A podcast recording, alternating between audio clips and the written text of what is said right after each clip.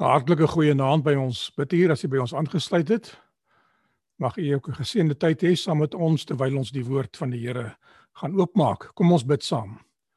Dierbare koning Jesus, dit is met dankbaarheid in ons harte wat ons weer onsself hier voor u voetmoedig in die helfte van die week. Here, my gebed is dat wat ook al uit die woord sal voortgaan, dat dit vir ons iets sal beteken in ons geestelike lewe. Ons bid dit in Jesus naam. Amen.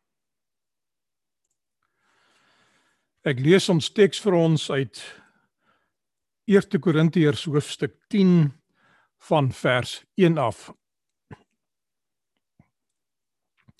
Want ek wil nie hê broeders dat julle nie sou weet nie dat ons vaders almal onder die wolk was en almal deur die see deurgegaan het en almal in Moses gedoop is in die wolk en in die see tot sover. Ek het nooit besef dat die simboliese rol van Israel wat deur die Skelfsee gegaan het die teken was van die onderskeidingslyn tussen die lewe wat agter hulle gelê het in Egipte en die lewe wat voor hulle lê in die land Kanaan en die beloftes van die Here nie. Ek het so 'n bietjie gelees vanoggend in die in een van die uh, boeke van die biografie van Joseph Bates wat hy self geskryf het. Hy is 'n pionier en 'n stigterslid van die Sewende Dag Adventiste Kerk wat nog daar van die Millerite beweging af ontstaan het. En hy vertel dat hy was 'n skeepsjonge gewees, 'n leerling matroos. En hy het die die oseane bevaar, later het hy self 'n kaptein geword en hy het hy het baie jare van sy lewe spandeer op die see.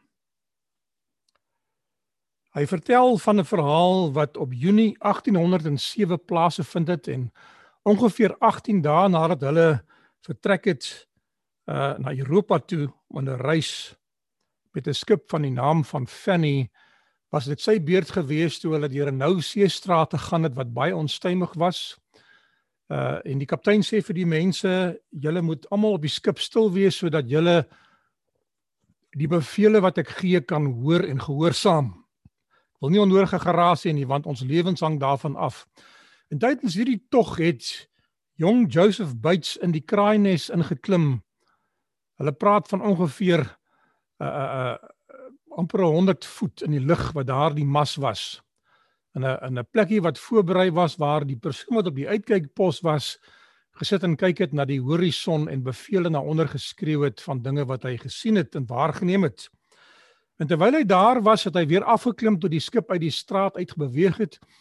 En hy was ongeveer halfpad teen die mas af toe sy voet gly en een van die toue verstringel raak, sê hy en hy hollerste boller oor boord val en in die water beland.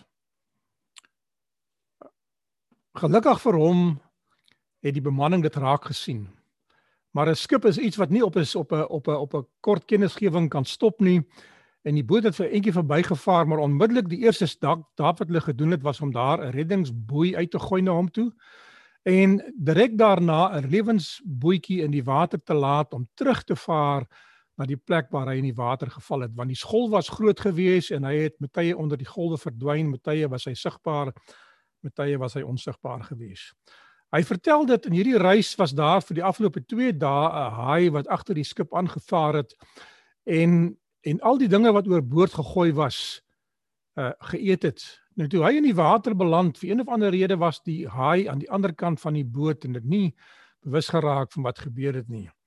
En hy sê dis eers toe hy teruggekom het op die groot skip wat hy agtergekom het dat hy dat daar wel 'n haai in die water was en hy hom daaroor bekommer het. Ek wil 'n paar geestelike lesse uit hierdie verhaal uitneem. Wanneer was jong Joseph Bates veilig gewees. Was dit gewees toe die bemanning agtergekom het hy is oorboord? Is dit vir die mens wat verlore is van enige waarde as God weet dat jy verlore is? Die kennis van sonde en as jy weet dat jy verlore is. Tweede stap is om daar 'n reddingsboei uit te gooi om jou onmiddellike hulp te verleen totdat beter redding kan opdaag. Hulle kon omdraai en hulle kon 'n boot ook stuur. Nou my vraag aan u is op watter stadium uh is hierdie jong man gered? Wanneer hy besef hy is oorboord of hulle besef hy is oorboord, is 'n kennis van die verlorenheid van mense genoegsaam om hulle te red in die koninkryk van God. Wanneer hy gesien kan word in hierdie golf wat op en neer beweeg en hulle kan sê ons weet waar hy is, hy is daar. As hulle nie weet waar hy is nie, gaan die reddingspogings uh baie moeiliker gemaak word.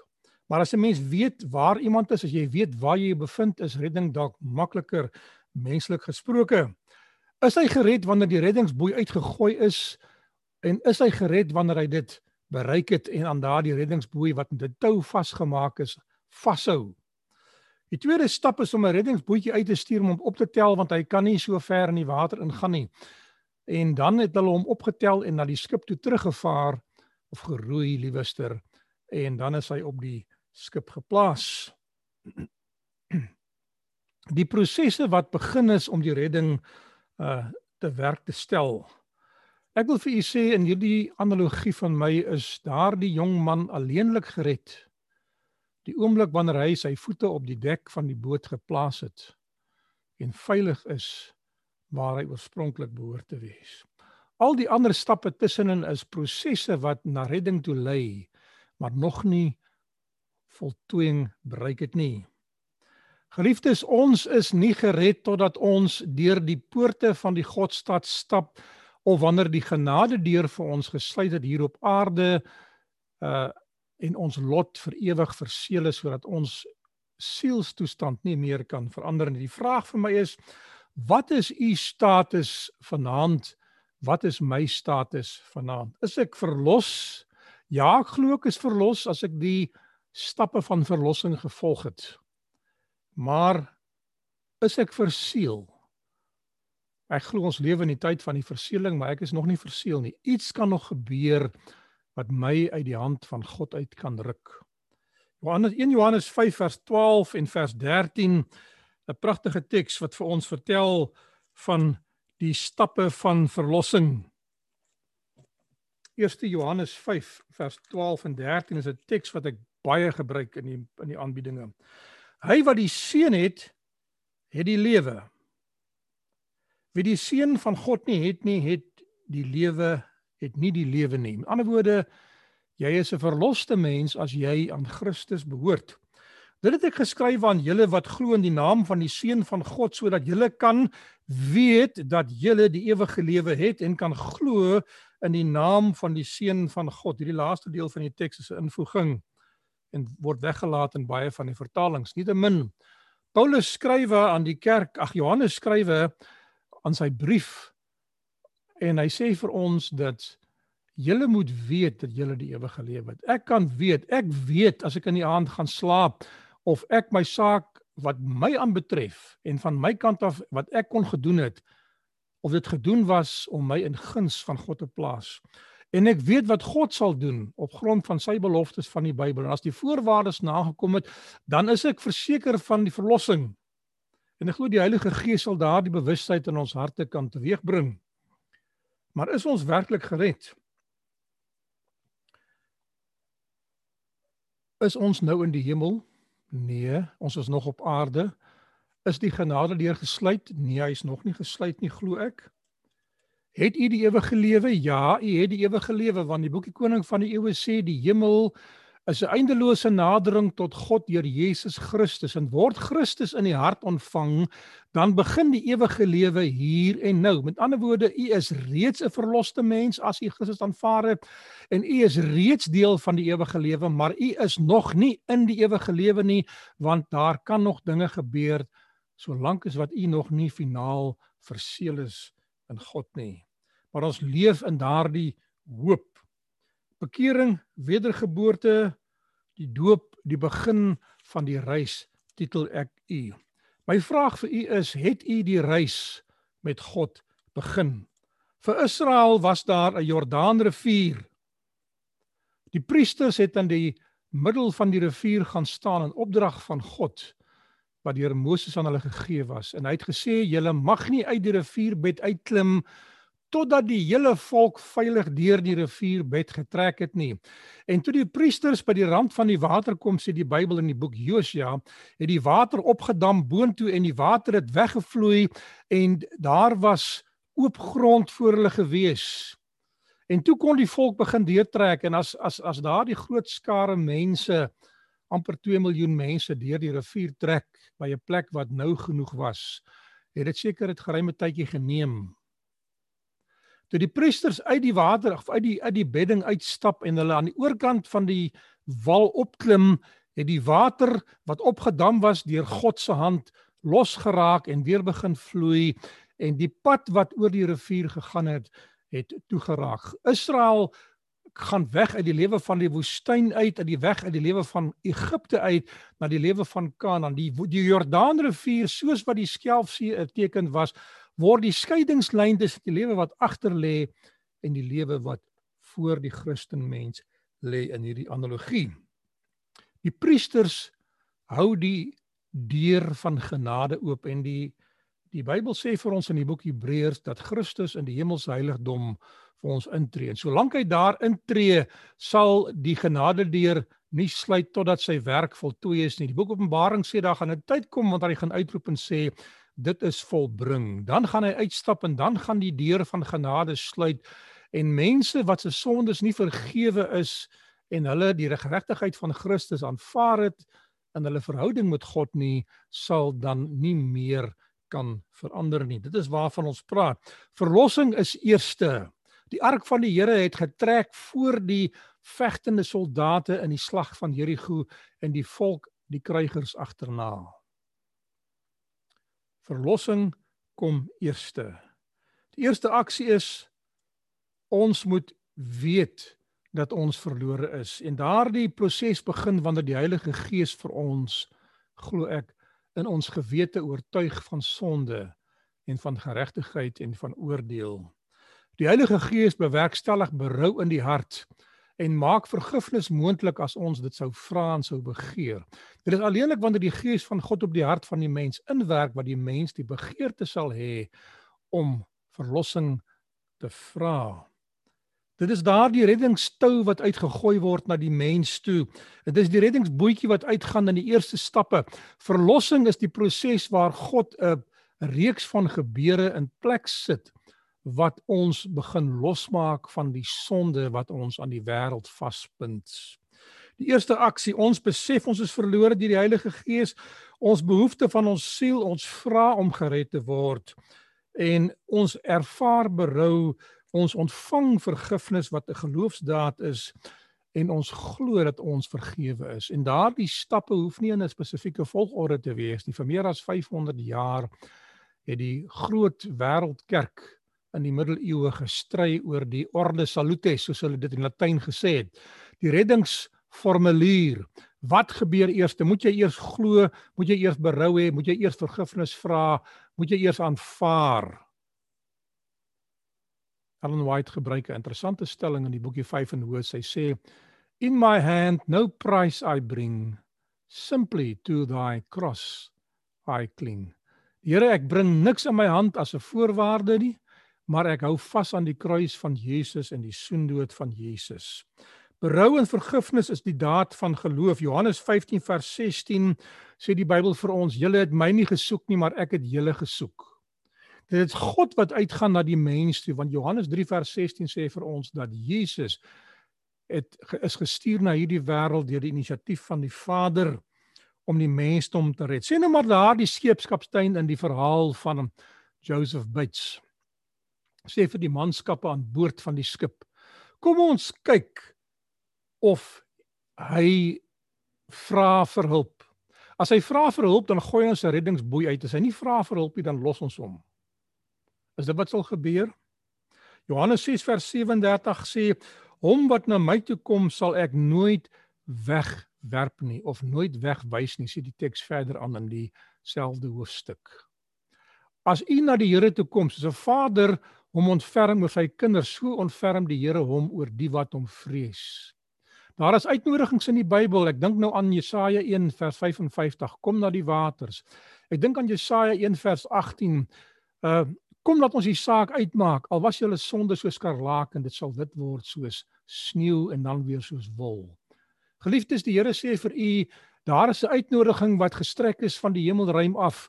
Voor die grondlegging van hierdie wêreld is daar 'n verlossingsplan gemaak waar die uitnodiging na hierdie wêreld toe kom en wat sê as jy 'n misstap begin het en van God vervreemd geraak het, soos Adam en Eva van God afgesny was en van die ewige lewe afgesny was deur sonde, kom na my toe en ek sal jou heel maak. Die redding is die genade Efesiërs 2 vers 8 en vers 9. Wil ek vir julle lees 'n teks wat u ook seker by hierdie tyd uh baie goed ken uit die kop uit.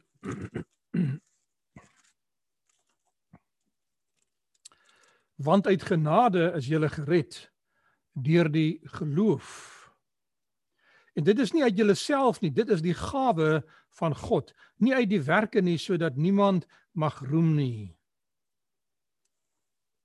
Ons is gered deur genade. Genade is wanneer God ons gee wat ons nie verdien nie. Die boek Romeine sê God het vir ons gesterf toe ons nog sondaars was. En dieselfde boek sê vir ons dat ons is almal skuldig aan die oortreding van die wet en ons verdien die dood want die loon van die sonde is die dood sê Romeine ook verder vorentoe.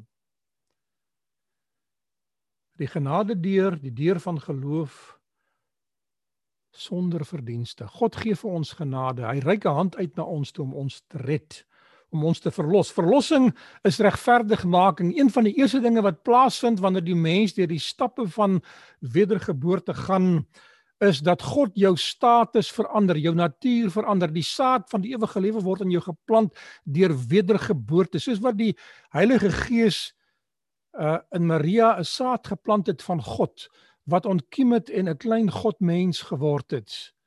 Waar Christus in sy vleeswording in 'n menslike liggaam geskuil het. Die tent wat onder ons opgeslaan is, sê die boek Jesodus vir ons. Verskoon tog.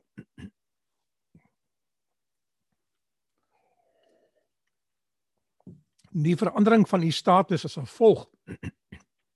U is verlore in sonde en afgesny van God, maar God red u.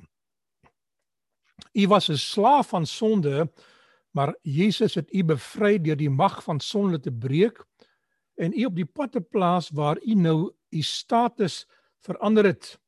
U is nou gebonde aan God. U is vrygemaak van sonde, maar u is nou gebind aan God. U kan nie van sonde losgemaak word en vry rondbeweeg nie. U behoort of aan Satan of u behoort aan God. Daar is nie 'n middelweg nie. Die Bybel sê baie duidelik jy kan nie God en Mammon dien nie. En daar is net twee paaie in die lewe, die pad wat links gaan en die pad wat regs gaan. Daar is net twee poorte, die breë poort en die smal poort. Daar is nie 'n tussenweg nie. Daar is nie 'n neutrale plek waar jy kan gaan en sê ek behoort aan niemand of aan niks nie. Ek staan nie belang nie.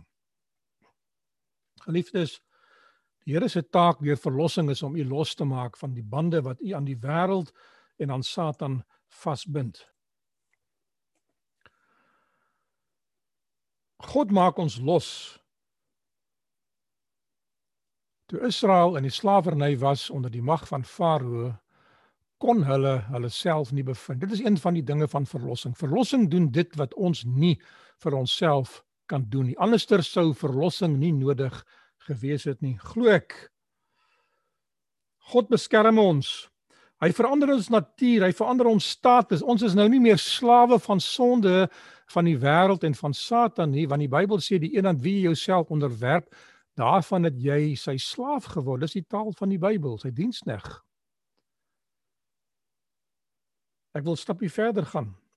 Ons word nou 'n status gegee, kinders van God. Galasiërs 4 vers 4 tot die volheid van die tyd gekom het, het God sy seun gestuur, gebore uit 'n vrou, gebore onder die wet om die wat onder die wet was los te koop sodat ons nou die aanneming as kinders van God kan ontvang.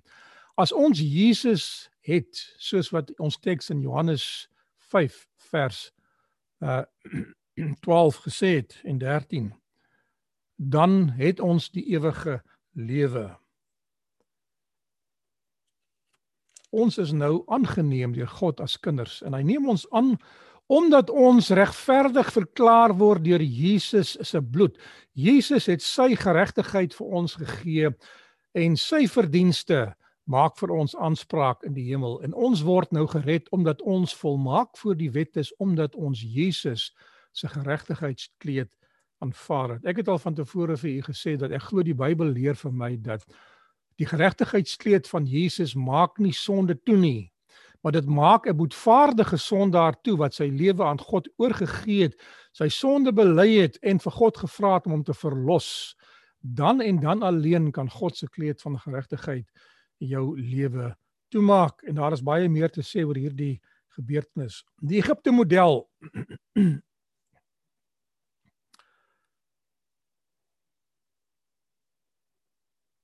Daar is baie modelle in die Bybel.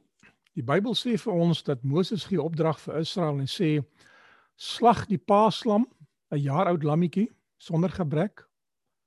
Genoeg vir 'n gesin as daar ten minste maak dit twee gesinne vat die bloed van die lammetjie in geloof smeer dit aan die kusyne van die deur want die deur stel Christus voor want Handelinge 4 sê vir ons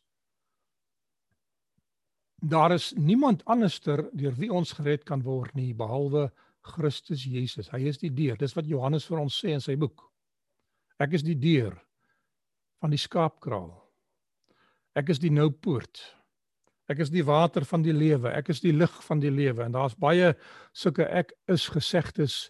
Ek dink daar's 19 van hulle in die boek Johannes. Jy kan dit gerus gaan naslaan wanneer jy Bybelstudie doen. Hy sê gaan in deur die deur. Met ander woorde, jy kan nie op 'n ander manier ingaan behalwe deur die bloed van Christus nie. Jy kyk in geloof vorentoe na die lam wat jy nie nou geslag het nie, maar die lam wat in die toekoms aan die kruis van Golgotha sal sterf. Elke lammetjie wat geslag was deur elke Israeliet was 'n voorskouing en 'n tipologiese versinne beelding van die simbool van Christus wat later sou kom. So in die simbool van die lammetjie moes die Israeliet in geloof vorentoe kyk na die werklike verlossing. Die lammetjie wat vir hulle geslag was in die bloed van die lam kon hulle nie vryspreek nie, maar dit was die eerste stap in 'n voorwaardelike verlossing waar Jesus sê ek gaan jou vrymaak op grond van jou geloof in die lam wat later sal kom. En toe Christus aan die kruis van Golgotha gesterf het, is almal wat van Adam af deur voorwaardelike tipologiese verlossing versinnebeelding in geloof vrygemaak was, se geloof bekragtig en se verlossing verseël. As Christus nie gesterwe het en vir ons opgestaan het en vir ons die losprys aan die kruis van Golgotha betaal het nie, was elke mens wat tot en met die kruis van Jesus in daardie 4000 jaar wat ek glo in die wêreld se bestaan was, wat dit vooraf gegaan het, was dan verlore want hulle verlossing was gebaseer op die voorwaarde en die veronderstelling dat Jesus eintlik die prys sal kom betaal. Dit was 'n geloofsdaad en daarom kon hulle werke hulle nie red nie. En die Here sê gaan in deur daardie deur, maak die deur agter jou toe Uh Matteus 6 sê sluit jou deur. Die boek Jesaja sê gaan in jou binnekamer, sluit jou deur en wag totdat die verderf daardie engel van die verderf verbygaan. Elke een wat buite sy huis gevind was, al was hulle regverdig en al was hulle vergewe, sou gesterwe het. Geliefdes, hierdie is een van die belangrikste reddingsmodelle in die Bybel.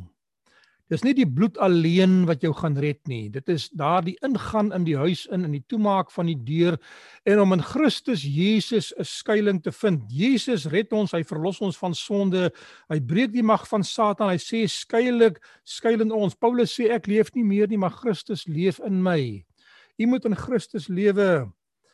Die verlossingsproses, die begin, die reddingsboei wat uitgegooi is tot die skipie kom tot die groot skip jou weer optel. Die groot verlossing aan die kruis van Golgotha. Al die dinge wat vooraf gegaan het. Die berou, die vergifnis, die belydenis, die geloof om te aanvaar is prosesse wat lei na die volmaaktheid wanneer Jesus die sonde uit die hemelse heiligdom uit gaan verwyder. Geliefdes, al is u nou regverdig verklaar en al is u 'n kind van God en 'n verloste mens en al het u nou reeds die ewige lewe ontvang, is u nog nie in die hemel nie en is u sonde nog opgeteken in die boeke van die hemel in die hemelse heiligdom. En tot die sonde uiteindelik verwyder is, is u nie volkome vry nie. Dit is alles nog steeds voorwaardelik, 'n verskriklike les. Dit is alleen wanneer Christus uitstap in die sonde van almal wat gevra het vir wie hy voorspraak en verzoening gedoen het, saam met hom en op hom uitbring as gevolg van die offer wat hy betaal het en die prys wat hy verkry het. Dan eers gaan ons sondes op die kop van Satan geplaas word in die beeldspraak van die jaarlikse offerandestelsel. En dan eers is die verlossingsplan voltooi nadat die oordeel plaasgevind het van die wat nie gered is nie. Ons moet in Jesus skuil. Ons word gereken asof die proses reeds afgehandel is deur geloof, maar dit is nog nie voltooi nie. Ons kan nog uit die genade verval solank die genade deur oop is die begin van die proses Matteus 6 vers 33 soek eers die koninkryk van God en sy geregtigheid en al hierdie ander dinge die dinge wat mense doen om verlossing te ervaar om hulle lewens reg te maak om heilig te wees sal in plek en val geliefdes u werk te vergeefs as u probeer heilig lewe as u nie wedergeboorte ervaar het deur die bloed van Jesus en die belofte van Jesus. Die Bybel sê, gaan in deur die nou poort, bekering en wedergeboorte is daar die poort sodat jy reg kan hê op die beskerming van Jesus. Matteus 7:13 sê, gaan in deur die nou poort want breed is die pad en wyd is die poort wat na die verderf lei en daar is baie wat daardeur ingaan.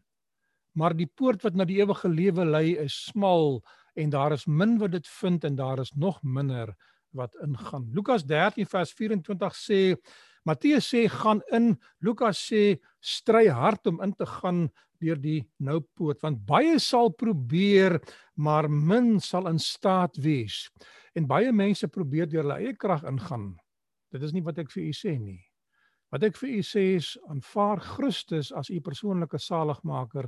Aanvaar sy soendood word wedergebore deurdat God se gees in die hart geplant word deur die proses van wedergeboorte en aanvaar dat Jesus se werke vir u sal verlos en op grond van sy meriete vir kry u die ewige lewe en die status as 'n kind van God. U word nou nie meer 'n slaaf genoem nie, maar 'n kind van God. Nie meer 'n slaaf van sonde nie, maar 'n kind van God. Vrygekoop en u moet u vryheid het handhaaf.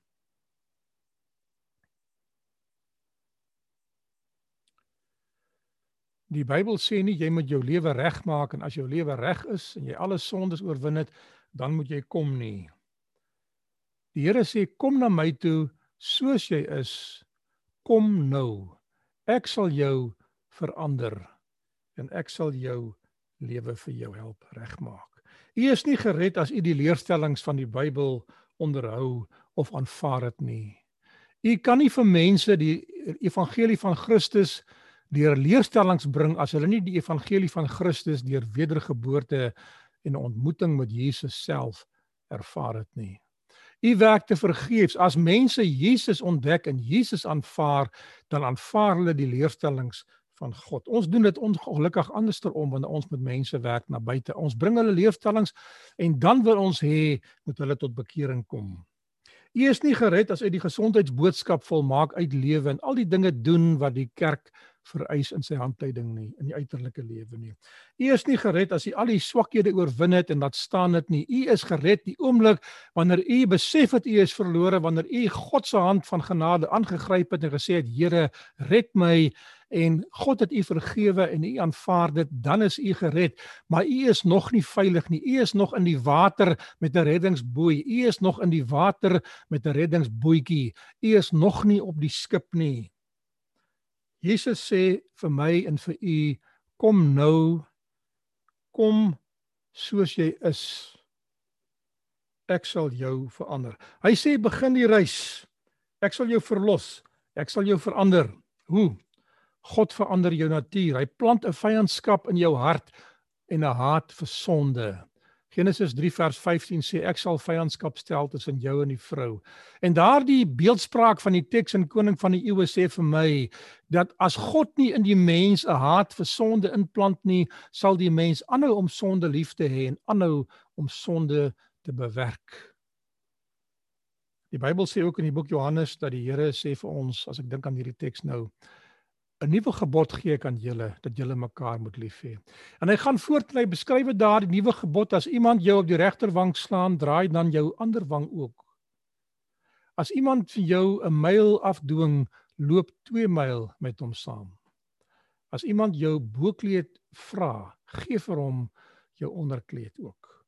Die Here sê ek gaan jou natuur verander sodat jy jou vyande sal lief hê sowel as jou broeders en susters in die geloof maar dat jy sonde sal haat. U moet sterf vir die wêreld omdat u hart verander is. U moet nie u hart probeer verander deur vir die wêreld te sterf nie. Jy kan nie deur die uiterlike dinge te verander jou hart verander nie. God moet jou hart verander en dan sal jy begin om die dinge wat in jou hart is uit te dryf wat verkeerd is. Begrawe die rots Ek dink dit was 1979 wat ek by Elandsfontein 'n uh, 'n uh, spesiale kursus gedoen het ter opleiding van my militêre loopbaan, 'n verdere opleiding na die basiese opleiding in 'n spesialierskursus.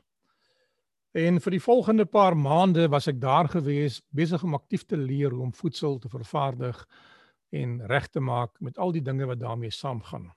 Terwyl ons daar was, het ons nog ander dinge ook gedoen en ons het nog gereeld inspeksies gestaan, oefeninge gedoen en die die normale roetine take van die weermag as 'n opgeleide soldaat verrig. Die kaptein of die of die nie die kaptein nie, die luitenant het deur die korporaals gewerk en elke tent het 'n korporaal gehad wat instruksies moes gee of 'n onderoffisier. En deur die oggend by my gekom, ek was die as die was die leier van die tent van ongeveer 40 manne gewees. En hy sê vir my, dit is jou verantwoordelikheid om toe te sien dat hierdie groot rots wat voor jou tent lê.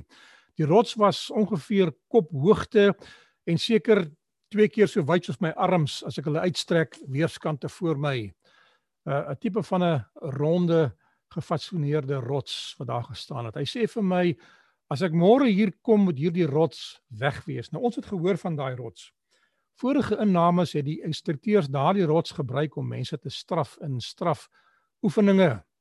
Hulle sê vir hulle maak dat die rots wegkom en as hulle nie kan nie dan gee hulle vir hulle strafpietie. Ek verstaan dat dit op 'n stadium probeer om daardie rots te skuif deur dit met 'n voertuig te probeer sleep. Die voertuig het net gesleep in sy wiele, hy kon dit nie doen nie. Hulle het daardie rots probeer oplig met 'n trekker wat 'n skopgraag voorgehad het. Die trekker se agterkant was nie swaar genoeg nie en die trekker het homself opgelig in die proses. En so het baie jong troepies strafoefeninge gekry omdat hulle die rots nie kon verwyder nie. Toe ons daar kom, toe haal hulle dieselfde streek met ons uit. Ek was op daardie stadium iemand wat gestudeer het. Ek doen dit nog steeds. En ek het alles wat ek al elke uitdaging of dit nou of dit nou godsdienstig van aard was of andersins van aard was en ek het baie uitdagings gehad daar het ek na die voete van die Here gebring. En terwyl ek lees lees ek die verhaal van Jakob. Waar Jakob vir sy gesin sê: "Bring julle juwele, bring die afgode van julle vader en kom begrawe dit hier onder die terpentynboom van Sigyn." Om 'n lang storie kort te maak, ek het daardie nag opgestaan vir die mense in my tent gesê vir 'n uitgesoekte groepie Kom ons gaan werksplaas toe. Ons het die die koperaal van die werksplaas gaan wakker klop. Ons het vir hom gevra vir grawe en pikke en kruiwaans. En ons het gegaan en hulle vra vir my, "Wat gaan ons maak?" Ek het gesê, "Ons gaan hierdie klip begrawe." En ons het begin om in die sagte grond van Elandsfontein se berg het ons langs die klip begin om 'n gat te grou so diep as wat ons kon staan en so wyd as wat ons arms kon uitsteek. Dit het ons 'n paar uur geneem. Ons het hard gewerk. Ons het daardie gat uitgegrou Ons het die grond weggery en ons het begin om daardie grond versigtig uit te kalwe en toe het ons met behulp van 'n guala, een van daardie groot lang uisters wat ons gebruik as 'n koevoet, daardie rots oor te kantel en in die gat in te gooi. En hy het dit net net gemaak om in die gat in te pas. En toe het ons die oorgrond gebruik om die gat toe te maak en die res weggery. Ons het in die berg ingegaan, ons het plante uit die berg uit gehaal En ons het begin om klippies te pak en 'n paadjie te maak en ons het vir ons 'n pragtige tuin voor ons tent gemaak. Toe die son die volgende oggend uitkom, was die rots weg en daar was 'n nuwe tuin gewees. Met inspeksie na ontbyt het die korporaal daar kom staan met sy hande in sy sye en hy die grond bekyk. Hy sien daar's gewerk. En hy stap na my toe. Hy sê vir my: "Hoe het jy die rots hier weggekry? Waar is die rots?" Nou ons het afgespreek onder ons onsself dat ons nie vir hom sal vertel wat gebeur het nie. En ons het uitgeklaar of hy ooit agtergekom het of gehoor het, weet ons nie. Geliefdes, ek wil vir u sê dat sonde lê soos 'n rots voor u tent deur en u kan alles wat u kan probeer om daardie rots te verwyder. Ek wil vir u eenvoudige raad gee: moenie die rots verwyder nie, begrawe hom. Hoe begrawe u die rots? U begrawe die rots deur die doop. Die begrafnis van die ou lewe waar jy die ou mens van sonde begrawe en waar uit daardie graf uit opstaan deur wedergeboorte en 'n veranderde hart, 'n nuwe mens. As iemand opstaan as 'n kind gebore word, is daardie kind afhanklik van sy ouers. Daardie babatjie het nie hare nie, hy het nie tande nie, hy kan nie behoorlik sien aan die begin nie, hy kan nie loop nie. Hy kan homself nie voed nie. Hy kan homself nie versorg nie. En hy moet grootgemaak en versorg word. 'n Pasgebore kind van God gaan deur dieselfde prosesse gaan as 'n pasgebore baba. Die Egipte Kanaan motief is vir my 'n mooi motief. Die Here verlos jou ten eerste. Hy maak jou los van die juk van sonde en die mag van Farao. Hy breek die mag van van Farao met die 10 plaae en hy gee vir Israel moed en geloof om vir hulle te wys deur sy krag dat hy in staat is om hulle te verlos. Die Here gaan vir u bewyse gee van sy liefde, sy genade, sy barmhartigheid. Hy gaan vir u bewyse gee dat hy in staat is om u te verlos en u losmaak van sonde. En dan gaan hy jou op 'n reis vat na Kanaan toe en langs die pad gaan hy begin om vir u te leer van die Sabbat. Die Here sê vir hulle deur Moses: "Ses dae gaan die manna val, maar op die sewende dag sal die manna nie val nie." Hulle begin leer van die Sabbat. 2 en 'n half maande later na die uittog uit Egipte uit sê die Here vir hulle: om reinig julle. Julle moet voor my aangesig verskyn en hulle gaan staan voor die berg Sinai waar die Here sy wet aankondig. En waar die volk vir Moses sê dit is verskriklik. Ons kan nie na die stem van die Here luister nie. Praat jy met God en dan praat jy met ons. En die Here gee vir Moses twee kliptafels met die wet opgeskrywe. Langs die pad sal die Here vir u elke dag bietjie vir bietjie leer om een sonde op 'n keer te oorwin. Dat laat staan en in vryheid van God voort te beweeg. Die doop is 'n begrafnis simboliek. Mense wat doop met godsdiens en met die wet, wat doop met die gawe van profesie en met die gesondheidsboodskap, is nie noodwendig gered nie omdat hulle baie te sê het oor hierdie dinge nie of hulle lewe uiterlik dit doen nie. U is alleenlik geredde mens as u lewe getuig van 'n wedergeboorte waar die sonde afgesterf is, waar die oorwinning behaal is omdat die mag van Satan gebreek is, maar daarna, soos wat dit vir u moontlik is, stap vir stap, dag vir dag begin u om die sondige natuur aan bande te lê wat in u lewe nog heers. U moet nie werk vir u saligheid nie. Gehoorsaamheid kom alleenlik as jou hart verander is deur die genade van God, as die saad van die ewige lewe deur wedergeboorte in jou ingeplant is. Verlossing is voorwaardelik. Jy moet glo, jy moet uh, jy moet leef soos 'n verloste mens. As jou natuur verander is, jou lewe moet getuig van verandering.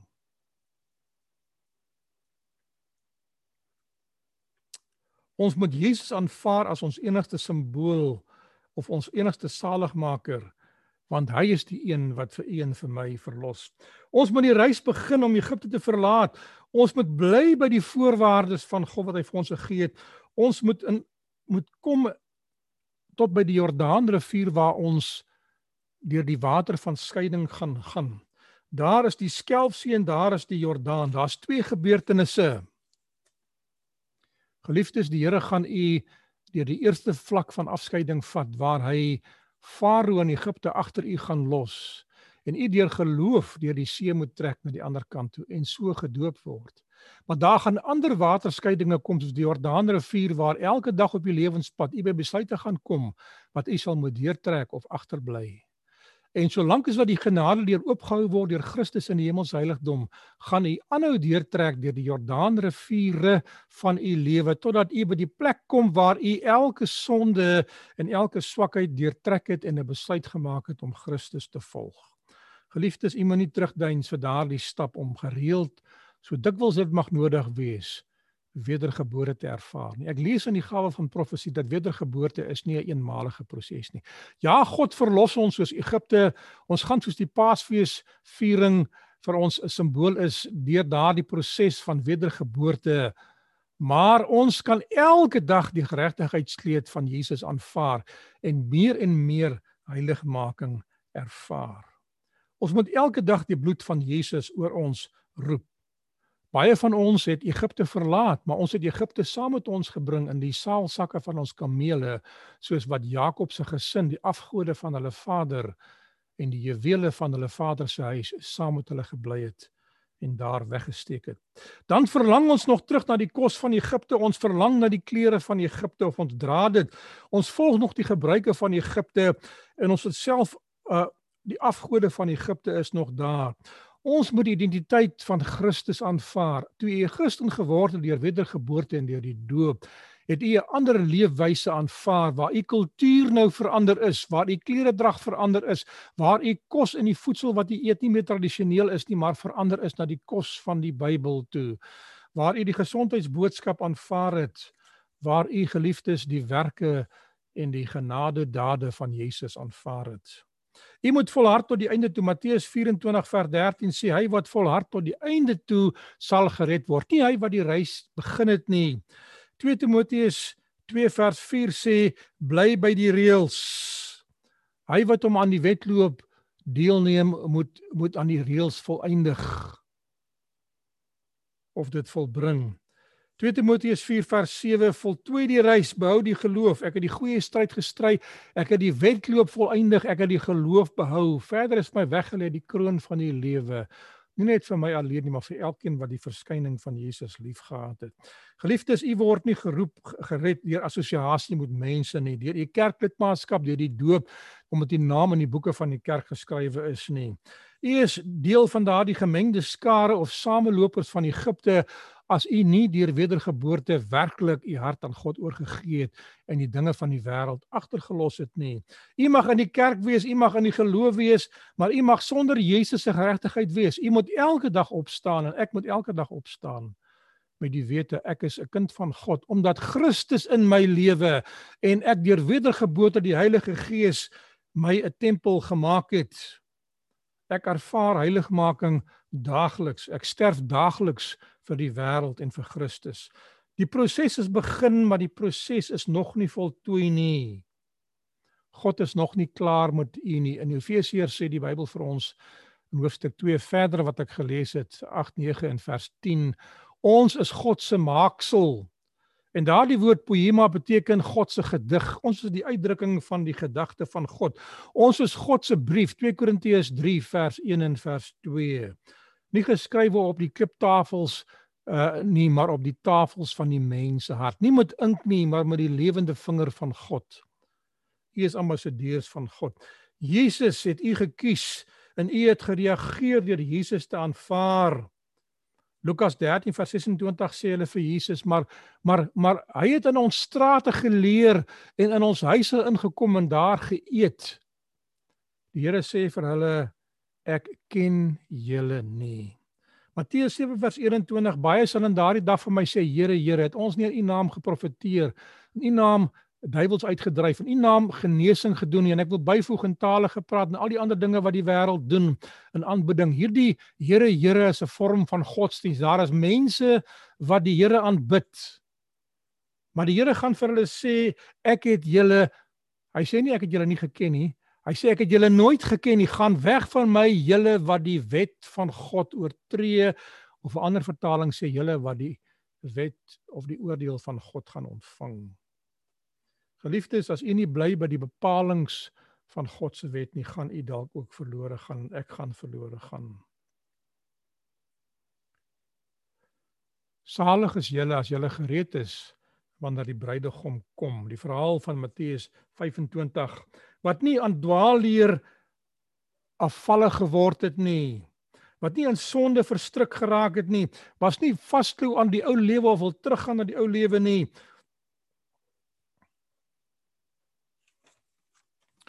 Mense wat nie glo dat hulle sal gered word omdat hulle saam met 'n groep mense beweeg nie. Die doop is 'n formaliteit, 'n uiterlike kenteken van 'n besluit. Die doop is daardie bordjie wat jy inkap in die grond nadat jy die huis verkoop het wat sê hierdie huis is verkoop. Jy is nou onder nuwe bestuur. Daar is nou nuwe reëls wat geld in jou lewe. Jy kan nie na die doop terugkeer na die dinge toe nie. Ek het al gesien dat mense die juwele wat hulle afgehaal het voor die doop uithaal en weer later dra. Nou ek praat nie oor die weer nie. Ek dink jy verstaan wat ek sê. Enige iets wat jy gaan terughaal wat jy van tevore gelaat staan. Die Bybel sê 'n verskriklike ding, soos 'n hond wat teruggaan as hy uit uitbraaksel, so is dit 'n mens wat teruggaan na die dinge wat hy van tevore gedoen het.